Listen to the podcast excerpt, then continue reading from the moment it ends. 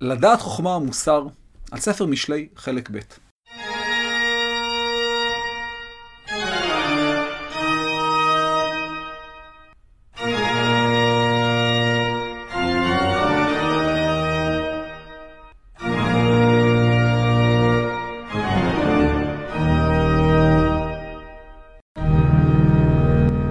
דברי הימים הסכת על התנ"ך והמזרח הקדום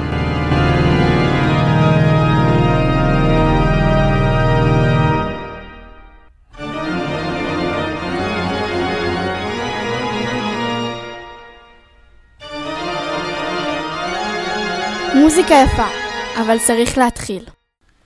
שלום וברוכים הבאים לדברי הימים, הסכת על התנ"ך והמזרח הקדום. א' בכסלו שנת 2863, לעליית יהוא מלך ישראל לכס. שם הפרק, לדעת חוכמה ומוסר, על ספר משלי חלק ב'. אני דוקטור אילן אבקסיס. גם במקרה זה, הפרק המלא זמין למנויים היקרים והחשובים, שנהנים מכל התכנים ללא הגבלה ובמחיר שווה לכל נפש. ארבעה-חמישה בקבוקי שתייה קלה בחודש, וכך לא רק שהרווחתם תוכן איכותי, אלא חסכתם את הנזק הכרוך בשתייה ממותקת. לא תצטרפו לחבורת המאושרים הזו? בפעם שעברה דנו במשמעות המילה חכם, והזכרנו באופן כללי את ספרות החוכמה המקראית. היום נתמקד בספר משלי עצמו. ספר משלי מכונה על שום המילה הראשונה בו, ככתוב, משלי שלמה בן דוד, מלך ישראל. הענקת שם לספר על שם המילה הראשונה, או אחת המילים הראשונות בו, הינה תופעה מקראית ידועה. כך למשל, בראשית ברא אלוהים את השמיים ואת הארץ, ספר בראשית, או ואלה שמות בני ישראל הבאים מצרימה, ספר שמות, וכן, ויקרא אל משה, וידבר אדוני אליו מאוהל מועד לאמור, ספר ויקרא, וגם, וידבר אדוני אל משה במדבר סיני באוהל מועד, ספר במדבר, ולא במדבר, אבל הטעות כבר מושרשת עמוק מדי. ואפילו אלה הדברים אשר דיבר משה אל כל ישראל בעבר הירדן. ספר דברים. התופעה אינה מוגבלת לתורה בלבד, גם בכתובים, אך לא בנביאים. שיר השירים אשר לשלמה, מגילת שיר השירים, ובשו עצוב, איכה ישבה ודד העיר רבתי עם. מגילת איכה. אם חשבתם שהתופעה ייחודית לעם ישראל, הרי טעיתם. התופעה מוכרת גם במזרח הקדום. הדוגמה המפורסמת ביותר היא אנומה אליש, מילולית כאשר ממעל או בעת ממעל. מיתוס הבריאה הבבלי. אצל חז"ל הספר מכונה גם ממשלות. ככתוב, הוא ספר תהילים אחד, וספר איוב וממשלות. הספר שייך למה שמכונה בראשי תיבות הפוכים ספרי אמת. איוב משלי תהילים.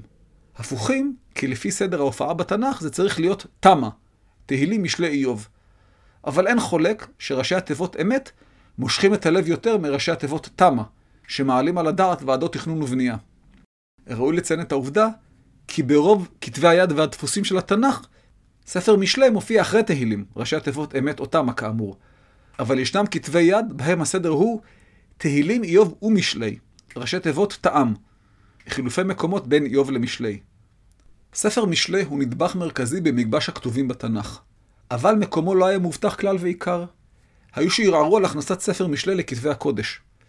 כך נכתב בתלמוד בדיון על חתימת התנ"ך. אני מזכיר שהתנ"ך, כלומר תורה, נביאים וכתובים, נחתמו אחרי חורבן בית שני. ציטוט: ואף ספר משלי ביקשו לגנוז, שהיו דבריו סותרים זה את זה. ומפני מה לא גנזוהו, אני כבר אקרא ישר בעברית, אמרו, ספר קהלת, האם לא עיינו ומצאו טעם? גם כאן יעיינו. ומהי דבריו סותרים זה את זה? כלומר, מהי הסיבה שרצו לגנוז אותו בטענה שדבריו סותרים זה את זה, וזה לא ייתכן? כתיב, אל טען כסיל כאיוולתו, במשלי כ"ו 4, וכתיב, ענך כסיל כאיוולתו, משלי כ"ו 5. כלומר, דבר והיפוכו בפסוק אחרי פסוק. לא קשה. זה בדברי תורה, זה בדברי חולין. כלומר, מדובר בשני מקרים. כשמדובר בדברי תורה, אין צורך לענות לכסיל. כשמדובר בדברי חול, חשוב לענות לדביל. סוף ציטוט. לסתירה זו מצטרפים עוד כתובים בעלי אופי מיני. אבל אחרי שהכשירו את שיר השירים, אז הקטעים המיניים במשלי הם לא אתגר ממשי. כך או אחרת, ספר משלי נכנס בקלות יחסית אל כתבי הקודש של האומה. זאת בניגוד לקהלת, שיר השירים ואסתר, שקררו ויכוחים ושהספרים עבדו קשה במרכאות על מנת להיכלל בספרי הקודש. בלועזית הספר קרוי Proverbs. ספר משלי מורכב מקבצים שונים, כאשר לכל קובץ יש את האופי והסגנון שלו. כל קובץ הוא עצמאי ומכיל הטפות, הוראות, עצות, נאומים, פתגמים ומשלים בודדים. ראוי לציין שאין ממש קו מחבר בין החלקים השונים. כלומר, כל פסוק בספר משלי, או קבוצת פסוקים, יכול להופיע בכל מקום שהוא כמעט, והספר יהיה הגיוני לחלוטין ונוטף חוכמה לרוב. אמרתי שהספר מורכב מקבצים שונים. עד פה יש הסכמה כוללת בין החוקרים. מפה כבר אין. חלוקת הספר לחלקי משנה וזיהוי הקבצים השונים בספר שנויה במחלוקת, בלשון המעטה. יש המחלקים, כמו בצה"ל, לשלושה חלקים. חלק ראשון הם פרקים א' עד ט', שכותרתם היא משלי שלמה בן דוד מלך ישראל. החלק השני הם פרקים י' עד כ"ד, שכותרתם היא משלי שלמה בן חכם ישמח אב ובן כסיל תוגת אמו. ואילו החלק השלישי פרקים כ"ה עד ל"א, שכותרתם היא גם אלה משלי שלמה אשר העתיקו אנשי חזקיה מלך יהודה. באו חכמים אחרים וחילקו לארבעה חלקים. חלוקה דומה לחלוקה הקודמת, אלא שלדידם פרקים ל' ול"א נחשבים כחידה נפרדת, שכותרתה היא דברי אגור בן יקה, המסע, נאום הגבר, ליטיאל, ליטיאל ואוכל. עוד אלה מחלקים לארבעה, היו שהציעו חלוקה לחמישה חלקים. חלוקה כמו לארבעה חלקים, אלא שאצלם פרק ל' ופרק ל"א, שכותרתו היא דברי למואל מלך מסע אשר יסרתו עמו, הם יחידות נפרדות. יש שמחלקים לשישה, שבעה ועד שלושה עשר חלוקות הגענו. כל חוקר שחש צורך אז לפרסם מאמר, מוסיף חלוקה או מזיז את קווי הגבול מפה לשם. אבל החלוקה הנפוצה ביותר היא חלוקה לשבעה חלקים. שבע הוא מספר טיפולוגי כידוע, כלומר מספר בעל משמעות החורגת מעמידתו בין שש לשמונה. אם כי חלוקה זו מתבססת על הכותרות. 1. פרקים א' עד ט', שכותרתם היא משלי שלמה בן דוד מלך ישראל. 2. פרקים י' עד כ"ב 16, שכותרתם היא משלי שלמה, בן חכם ישמח אב ובן כסיל תוגת אמו. עד פה אנחנו כמו כולם. כלומר, זהו קבץ משלים נוסף. 3. פרקים כ"ב 17 עד כ"ד 22, שכותרתם הט אוזנך ושמע דברי חכמים ולבך תשית לדעתי. כלומר, קובץ של חכמים כלשהם. 4. פרק כ"ד, פסוקים 23 עד 34, שכותרתם גם אלה לחכמים הכר פנים במשפט בל טוב, דהיינו עוד קובץ של חכמים אלמונים. 5. פרקים כ"ה עד כ"ט 27, שכותרתם גם אלה משלי שלמה אשר העתיקו אנשי חזקיה מלך יהודה. זהו קובץ משלים שהועתקו בימי חזקיהו מלך יהודה. 6. פרק ל' שכותרתו דברי אגור בן יקה המסע, נאום הגבר, לאיטיאל, לאיטיאל ואוכל. קובץ של אגור בן יקה, מי שזה לא יהיה. ושבע, פרק ל"א שכותרתו דברי למואל מלך מסע אשר יסרתו עמו.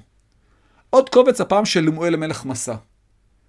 אני אישית הייתי מצמצם את קבצים 3 ו-4 דברי חכמים, אבל זה לא באמת משנה לנו. יש הרואים במזמור אשת חיל, פרק ל"א, 15 עד 31, קובץ עצמאי. אבל גם אם הוא היה עצמאי פעם, הוא רותח לפרק והם בלתי נפרדים. הקבצים מחולקים לחלקי משנה. הקבצים מחולקים לקבצי משנה ולא נדון בהם. למרות השוני בקבצים ובגודלם, ברור שיש יד מכוונת בסידור הקבצים. יש הסבורים כי סכום הפסוקים הוא טיפולוגי, או אפילו גימטרי. הקובץ השלישי, כ"ב 17 עד כ"ד 22, מכיל 70 פסוקים, טיפולוגי. הקובץ הרביעי, כ"ד 23-34, מכיל 12 פסוקים, גם מספר טיפולוגי. בקבצים 1, א' עד ט', 6, ל' ו-7, פרק ל"א, יש ביחד 320 פסוקים. 8 כפול 40, שני מספרים טיפולוגיים. הקובץ השני, י' עד כ"ב 16, מכיל 375 פסוקים. 375 זה שלמה בגימטריה. הקובץ החמישי, כ"ה עד כ"ט 27, מכיל 138 פסוקים. אם נתעלם מהכותרת ונחשיב את כ"ה אחד כפסוק מוסף, נגיע ל-136 פסוקים. 136 זה חזקיהו בגימטריה. קצת דחוק יש להודות. הספר עצמו מכיל 915 פסוקים. שלמה בגימטריה ועוד ישראל בגימטריה שווה 916. אם נשמיט פסוק כלשהו ונחליט שהוא מוסף או פסוק שהועתק פעמיים, המספרים יתיישרו. נכון, זה לא מדויק בכל המקרים, אולם ברור שיש כוונה מספרית העומדת בבסיס סידור הספר ועריכתו. אם עניין הגימטריה הוא נכון, ואני מדגיש את המילה אם, הרי זה רומז לנו על זמן עריכת הספר. התקופה ההלניסטית. הגימטריה, מתן ערך מספרי לאותיות, הוא רעיון יווני שנקלט בעם ישראל, ולא נודע כי בא אל קרבו. יש השערות שהגימטריה עניין שמי קדום, אבל ספק בדבר. הקובץ הראשון עוסק בדמויות נשיות, חוכמה, מוסר, אישה זרה. ואילו הקובץ האחרון עוסק גם כן בנשים, אם למואל ואשת חיל. כך יש מעין מסגרת ספרותית נשית לספר כולו. הספר מורכב מקבצים שונים, ולכל קובץ מחבר או מחברים שונים, עורך, עורכים ומעתיק ומעתיקים משלו. אולם הקבצים צורפו זה לזה במחשבה תחילה כאמור. ישנם שלושה היבטים לחיבור הספר. ההיבט הראשון נוגע לחיבור הקבצים הבודדים. מי חיבר את הקובץ הבודד ומתי הוא חיבר אותו? האם הוא כתב אותו מראשו, או שחיבר פתגם מוכן למכתם קיים ויצר קובץ? ההיבט השני הוא שאלת חיבור הקבצים זה לזה. מי איכה אותם לכלל יצירה אחת, ומתי זה קרה? האם התהליך היה חד פעמי או מתמשך? ההיבט השלישי נוגע לעיבוד הספר בצורתו הנוכחית. אותן השאלות תקפות גם כאן. מי יצר את הספר בצורתו הנוכחית? כלומר, מיהו העורך האחרון? וכמובן השאלה שמעניינת כל היסטוריון, מתי זה קרה? עיון בספר מגלה כי הקבצים בספר מיוחסים לארבעה מחברים, שלמה, חכמים, אגור ולמואל. ונספחת אליהם קבוצת מעתיקים אחת, אנשי חזקיהו. כלומר, לפי עדות הספר עצמו, יוצא כי התהוות הספר נמשכה לפחות מימי שלמה, סביב 950 לפני הספירה, ועד ימי חזקיהו, 700 לפני הספירה. 250 שנה לכל הפחות. אם אגור ולמואל, שאיננו יודעים עליהם דבר וחצי דבר, הנה הם מאוחרים לחזקיהו, אז עסקינן בזמן רב יותר. הקבצים הראשון והשני יוחסו לשלמה כאמור. ייחוס הקבצים הראשונים משלמה נשען בבטחה על המסופר בספר מלכים. ציטוט: וידבר שלושת אלפים משל, ויהי שירו חמישה ואלף. סוף ציטוט. כלומר, במקור היסטורי, ספר מלכים, יוחסה לשלמה אמירת משלים. אך טבעי הדבר, שהרצון להתעלות באילנות גבוהים, עזר לייחס את הקבצים לשלמה. אבל קיים ויכוח במחקר עד כמה ייחוס המשלים לשלמה הוא מהימן, או שמא מדובר בהשלכה ספרותית ותו לא. כלומר, האם קבצים 1 ו-2 הם באמת מימי שלמה? למרבה הצער, אין תשובה חותכת לעניין. מחד גיסה, לא ניתן לקבוע בוודאות שהמשלים חוברו על ידי שלמה או בימיו. מאידך גיסה, גם לא ניתן לשלול בוודאות שהמשלים חוברו על ידי שלמה או בימיו. אין שום עוגן כרונולוגי ממשי בקבצים הראשון והשני. ספרות החוכמה מעצם טבעה היא על-זמנית ואינה משקפת רקע היסטורי כלשהו. ספרות החוכמה היא מה שמכונה בלעז evergreen, ירוקת עד. היא תקפה ונכונה לכל נסיבות הזמן והמקום. משכך, קשה עד בלתי אפשרי לתארך. ניתן רק לשער. עדות לתיארוך אפשרי של הקובץ החמישי, יש בכותרת לפיה אנשי חזקיהו העתיקו משלים. לא ברור האם בתיבה העתיקו הכוונה היא להעתקה ממקור כתוב, או העלאה על הכתב של מסורות על פה. מקבילה מעניינת בנוגע להעתקת יצירות יש אצל אשור בניפד מלך אשור. ציטוט: דברי המלך אל שדונו, אחד הפקידים, אני שלום, ייטב לך לבך. כאשר תקרא את לוחי, ופה באה רשימת שמות, ואת כל הלוחות שישנם בבתיהם, ואת כל הלוחות הנמצאים במקדש עזדה, תפוס. והלוחות של, דילגת רשימת היצירות, אספו, דילוג על עוד יצירות, אשר הם טובים למלכות, ושוב נדלג על עוד יצירות, וכל הנצרך לארמון, ולוחות יקרים הנראים לכם רצויים, ובארץ אשור אינם נמצאים, חפשו עבורי והובילו אליי. סוף ציטוט. אשור בניפל לקח את הלוחות על מנת להעתיקם לספרייתו הפרטית. לא מאהבת עתיקות או סקרנות. אותה ספרייה, אגב, אשר בה התגלה העותק השלם של עלילות גילגמש. אשור בניפל העתיק את הלוחות לצורך איסוף מידע מועיל, ככתוב, אשר הם טובים למלכות, וכל הנצרך לארמון, ולוחות יקרים הנראים לכם רצויים, ובארץ אשור אינם נמצאים. לדעתי לא ניתן אם נניח כי אנשי חזקיהו עשו דבר דומה. אספו, לקטו והעתיקו משלים לצורך קידום ענייני המדינה. יש הסבורים, והצעתם הגיונית בסך הכל, שהקובץ הנ"ל יוחס לחזקיהו בדיעבד, שנחשב כמלך צדיק שהחיה את גדולת דוד ושלמה, וכי בפועל אין לחזקיהו אנשיו יד ורגל בהעתקת הקובץ. היחס הזה לחזקיהו כמחזיר עטרה ליושנה, מופיע גם בספר דברי הימים, שנכתב בתקופה הפרסית, סביב 400-350 לפני הספירה, פחות או יותר. זהו רמז אפשרי לתאריך בו התגבש הספר בצורתו הנוכחית. בעוד שקשה לתארך חלק מהקבצים, הרי תיארוך הקובץ השלישי, כ"ב 17 עד כ"ד 22, אמור להיות קל יחסית, כיוון שהוא נסמך גם על משלי המנופה. משלי המנופה יצירת חוכמה מצרית מהתקופה הרעמססית, מאות 12 עד 11 לפני הספירה. והיה לנו פרק עליהם. באומרנו מאות 12 ו-11 לפני הספירה, אמרנו לפני ימי שלמה, שמלך במאה העשירית לפני הספירה. לכאורה מדובר בקובץ קדום לשלמה או בימי שלמה, בהנחה שהקובץ נזקק לזמן על מנת לעבור ממצרים לישראל. הדרך בה משלי המנופה הגיעו והשפיעו על ספר משלי אינה ברורה. סברה אחת היא שמגע בין חצר המלכות המצרית לישראלית הוא הצינור דרכו הגיעו משלי המנופה לעם ישראל ומשם למקרא. מגע אפשרי כזה יש בימי שלמה. ציטוט: ויתחתן שלמה את פרעה מלך מצרים, ויקח את בת פרעה ויביאיה אל עיר דוד. סוף ציטוט. לא סתם מגע, אלא מגע הדוק בדמות נישואים דיפלומטיים, בין ישראל למצרים. בת פרעה לא באה בגפה, נלוו אליה משרתות, פמליה וצוות, ואחד מהם יכול היה להביא עמו גרסה כלשהי של משלי המנופה. אבל, וזהו אבל אימתני, תיאור גדולת שלמה במקרא מעורר בעיות אמינות היסטוריות רבות.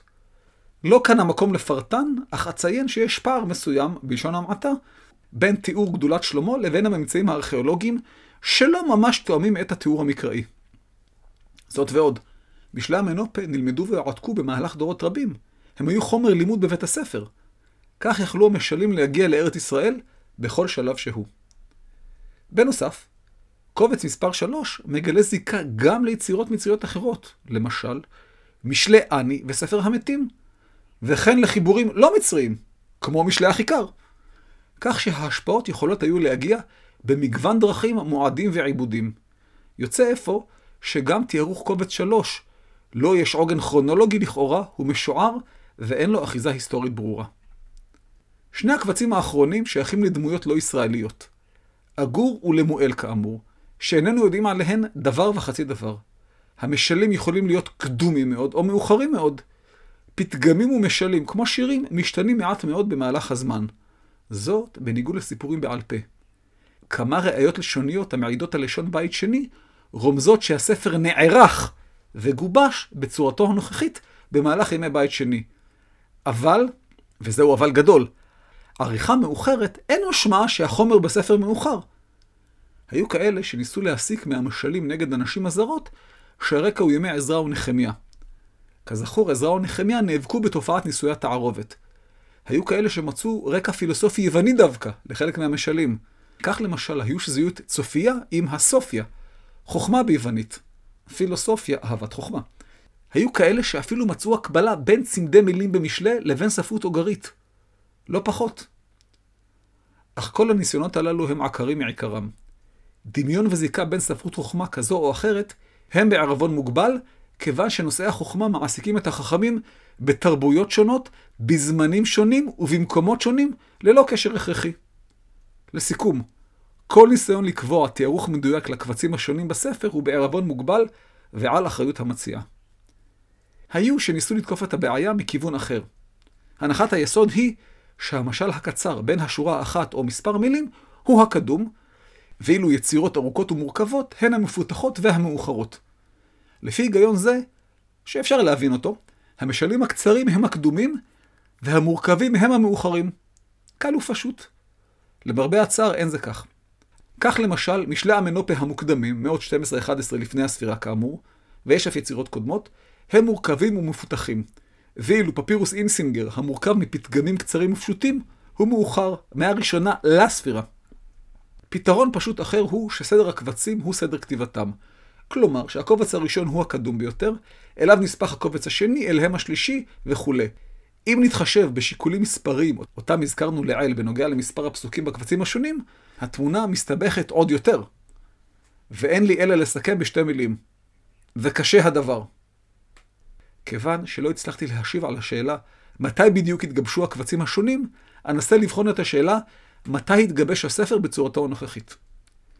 בתלמוד יש תשובה ברורה וחד משמעית בנוגע לכך, בדומה לשאר ספרי המקרא. ציטוט: חזקיה וסיעתו כתבו ישעיה, משלי, שיר השירים וקהלת. סוף ציטוט. כלומר, אם הספר יוחס לשלמה, ויש עדות על אנשי חזקיהו, אז, בימי חזקיהו, הספר נוצר בצורתו הנוכחית. אולם, סימנים שונים מעידים שהספר בצורתו הנוכחית מאוחר לימי חזקיהו. בספר ישנם סימנים לעברית של ימי בית שני.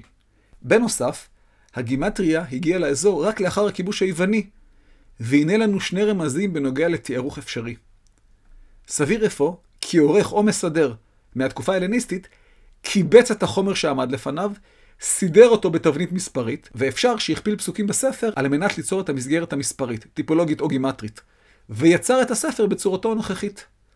שימו לב, זה לא אומר דבר וחצי דבר על זמן חיבור המשלים ו/או הקבצים, אלא רק על זמן גיבוש הספר. ספר משלי הוא חלק מספרות החוכמה המקראית כאמור. הזכרנו שספרות החוכמה כוללת את משלי, קהלת איוב וחלקים מתהילים. משלי וקהלת הם ספרי חוכמה מעשית. עצות, רעיונות, הטפות וכיוצא בזה. הם מרבים לעסוק בניסיון האדם והנחלתו לאנשים אחרים. זהו רמז לכך שהפתגמים והמשלים התחילו במסורות על פה. הזקנים בעלי הניסיון העבירו מניסיונם לדור הצעיר. איוב הוא ספר חוכמה עיונית. גורל הצדיק, תפיסת הגמול וכיוצא בזה. הגם שבו חברי איוב בוחנים את מצבו לאור ניסיונם האישי. כלומר, לא יכול להיות שאיוב נענה סתם כך. נחתום את הפרק בזיקה שבין ספר משלי לספרות החוכמה במקרא בכלל.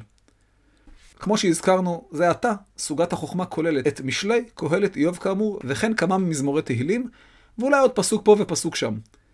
בנוגע למזמורי תהילים, יש סיווגים שונים של מזמורים שלמים, או חלקי מזמורים, כמזמורי חוכמה. שימו לב לרשימה הכוללת מגוון הצעות של חוקרים במהלך השנים. וזו הרשימה. מזמורים א', י"ט, ל"ב, ל"ז, מ"ט, נ"א, ע"ג, ע"ח, צדיק, צדיק א', צדיק ב', צדיק ד', קד, קה, קו"ו, קז, קי"א, קי"ב, קי"ט, קכ"ז, קכ"ח, קל"ג וקל"ט. ניתן להבחין מיד כי בין החוקרים ישנם חילוקי דעות. יש הרואים השפעות חוכמה גם בסיפורים מקראיים, כגון סיפור גן העדן, האופן בו רכש האדם את החוכמה, סיפורי יוסף, המוצע כחכם ונבון, סיפור ירושת הכיסא, הדרך הערמומית בה שלמה הגיע לכס, ובמגילת אסתר, הדרך בה מרדכי ניצח את המן. יש שם מרחיקים לכת ורואים עקבות חוכמה בדברים ישעיה ועמוס, אבל כמו שאתם יודעים, מי שיש לו פטיש ביד רואה כל בעיה כמסמר. ספרות החוכמה היא כמו אהבה. קשה להגדיר אותה, אבל כשנתקלים בה, מיד מזהים אותה. ספר משלי הוא ספר חוכמה מובהק. הוא מהווה נקודת ייחוס לכל שאר קטעי החוכמה. קטעים המסווגים כקטעי חוכמה מחוץ למשלי קהלת ואיוב, זכו למעמדם בשל קרבת לשון, קרבת נושא, או קווי דמיון לספר משלי, או שמזכירים איכשהו את ספר משלי. בין ספר משלי לשאר קטעי החוכמה במקרא, ישנו קשר המבוסס על 1. נושא, חוכמה, 2. לשון, עברית, ו-3. השפעות בין יצירות. הקשר מתבטא במישור הרעיוני ובמישור הלשוני. לספרות החוכמה רעיונות ייחודיים ואופייניים, וכן אוצר מילים ייחודי או מאפיין. למשל, רעיון בסיסי בספרות החוכמה הוא הניסיון. החוכמה נובעת מהניסיון, הן ניסיון אישי והן ניסיון קבוצתי או לאומי. כך למשל, ציטוט, על שדה איש עצל עברתי, ועל כרם אדם חסר לב. והנה עלה כולו כמשונים, כיסו פניו חרולים, וגדר אבניו נהרסה.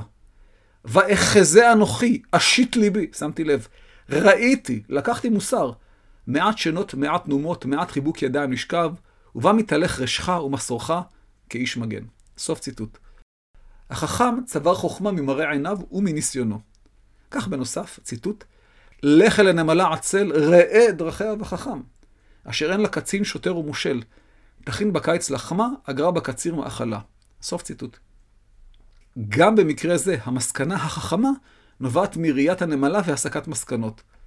החכם רואה דבר מה, ואת תוצאותיו הוא מסיק מסקנה התנהגותית. יסוד הניסיון בחוכמה בא לידי ביטוי נוקב בספר קהלת. קהלת בחן באופן אישי את החוכמה המקובלת והסיק את מסקנותיו.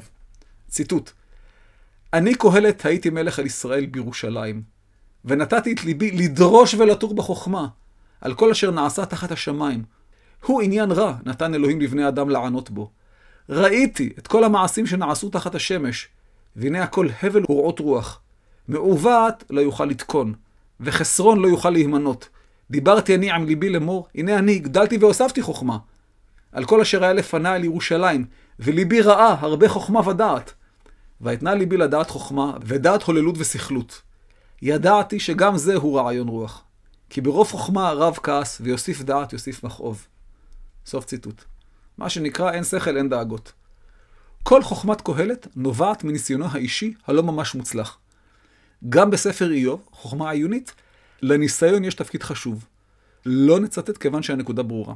התבססות החוכמה על הניסיון האישי, לוחסן קבוצתי, לוחסן לאומי, משמעה שהתגלות האל נדחקת לפינה. בספרות החוכמה לא נמצא כה אמר אדוני, או ויהי דבר אדוני אליי לאמור, וכיוצא בזה. האל מופיע פה ושם כמקור אפשרי לחוכמה, אבל בשולי השוליים. לאלוהים כמעט ואין תפקיד בספרות החוכמה. בספר משלי למשל מופיעות המילים תורה ומצווה, אך ללא קשר לתורת משה רבנו. תורה ומצווה מתייחסות לתורת המורה או ההורה והוראותיהם, ככתוב, שמע בני מוסר אביך, ואל תיטוש תורת אמך. ובהמשך נכתב, בני אם תיקח חמורותיי ומצוותיי תצפון איתך. גם עם ישראל אינו תופס כל מקום בספרות החוכמה, שהיא כלל אנושית מטבעה. אין אזכור לאבות, יציאת מצרים, כיבוש הארץ, מלכים או נביאים. אמנם יש התייחסות למלכים בעצות השונות, אבל באופן כללי, ולא למלכי יהודה וישראל. רוב ספרות החוכמה מתייחסת לאדם הבודד ולא לציבור. האופי הכלל אנושי מתבטא בכך ששני קבצים יוחסו לאנשים שאינם בני ברית. אגור בניקה ולמואל. שניהם מלכים זרים שלא ידעו עליהם דבר וחצי דבר. מהבחינה הלשונית, יש בספר משלי מילים וצירופי לשון המופיעים רק בספר משלי. יש בו מילים וצירופי לשון המופיעים רק בספרות החוכמה, יש בו מילים וצירופי לשון המופיעים בעיקר בו או בספרות החוכמה. חלק מהמילים אינן קשורות בהכרח לחוכמה, אבל אופייניות לסוגה זו. נראה כמה דוגמאות לכל קטגוריה. נתחיל במה שיש רק בספר משלי. ככתוב, חסד ואמת אל יעזבוך, קשרם על גרגרותיך, כתבם על, והנה הביטוי הייחודי, לוח ליבך. דוגמה נוספת, ככתוב, והנה הביטוי הייחודי, סממית בידיים תטפס, והיא בהיכלי מלך. ונעבור למילים המופיעות רק בספרות החוכמה. ככתוב, הדלת תיסוב על צירה, והנה הביטוי הייחודי, ועצל על מיטתו. דוגמה נוספת מקהלת הפעם, ככתוב, והנה הביטוי הייחודי, דברי חכמים, בנחת נשמעים מזעקות מושל בכסילים. נעבור למילים הנפוצות בעיקר בספרות החוכמה. הדוגמאות הפעם הן לא מספרות החוכמה. ככתוב בתהילים, והנה הביטוי, אשרי האיש אשר לא הלך בעצת רשעים ובדרך חטאים לא עמד ובמושב לצים לא ישב. ודוגמה מספר שמואל, ככתוב, ויאמר אבשלום אל אחיתופל, הבו לכם, והנה הביטוי, עצה, מה נעשה? חשוב לציין כי יש מילים מתחום החוכמה המופיעות בספרי מקרא אחרים, כגון בינה, בער, כסיל, לץ, לקח, נבון, ערום, להבדיל מערום, כן? ותושייה. זהו, עד כאן, לדעת חוכמה ומוסר, על ספר משלי חלק ב'. תודה לכם שהאזנתם ותודה שעשיתם מנוי. תודה לחברי מועצת החכמים, אבי הרטמן, חיים ארמון, אלון גלוסקה, אלי לבנה ודודי שטיינר, שעזרו לחזקיהו וסיעתו. אנא סמנו אהבתי בדף הפייסבוק וברשומות השונות, והמריצו את חבריכם לנהוג כמוכם. הגידו בגת, ובשרו בחוצות אשקלון, שתשמחנה בנות חיפה, שתעלוזנה בנות נשר. הדואל הוא אילן כרוכית אילן abc.co.il. גם טופס צור קשר ממתין לכם, גם רשימת התפוצה לדיבורים השווים שלי, כדאי להצטרף. גם ערוץ היוטיוב מחכה, כי הוא שם. ועכשיו גם ערוץ היוטיוב החדש, של הטיולים. הערוץ נקרא בפשטות אילן אבקסיס, באנגלית I-L-A-N A-B-E-C-A-S-S-I-S. אם אתם אוהבים את ההסכת, וגם רוצים לתמוך בו, הרי מלבד המלצה מפה לאוזן, שהיא הדבר הטוב ביותר על התוכן והערך המוסף שאני מציע, הרי עשיית מנוי היא התמיכה הטובה מכל. כאמור, ישנו מסלול חודשי שהוא טוב, מסלול חצי שנתי שהוא טוב בהרבה, ומסלול שנתי שהוא הכי הכי טוב. אין מה להשוות בכלל.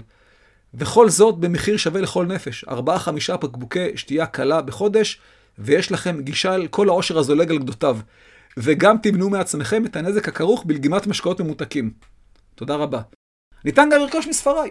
הספר החדש, התנ"ך תובנות לחיים, לאחיו הבוגרים, הסגן של בר כוכבא מספרי 2 בהיסטוריה, והספר על הרציחות הפוליטיות. כולם זמינים באתר או ברכישה ישירה דרכי. בנוסף, באתר השני שלי, bibletour.co.il, Bibletour במילה אחת, יש מידע על הסיורים השונים אותם אני מציע ליחידים, קבוצות, מוסדות וכן סיורי מאזינים. אני משוכנע שתשמחו ודאי לשמוע שלמנויים העיקריים יש הנחה משמעותית בסיורים. כמה סיורים בשנה, וכבר כיסיתם את עלות המנוי. עסקה שווה במיוחד. גם תוכן איכותי ובלעדי פה באתר. גם טיולים מרתקים, וגם חסכתם את הנזק המצטבר בסוכר הלבן. הפרק הבא בדברי הימים יעלה באלף בטבת. שם הפרק ממגדול סבנה, על מכתבי יב. הפרק הבא בדבר היום יעלה בט"ו בכסלו. שם הפרק יגר סהדותא, על הארמית בראי המקרא. להתראות.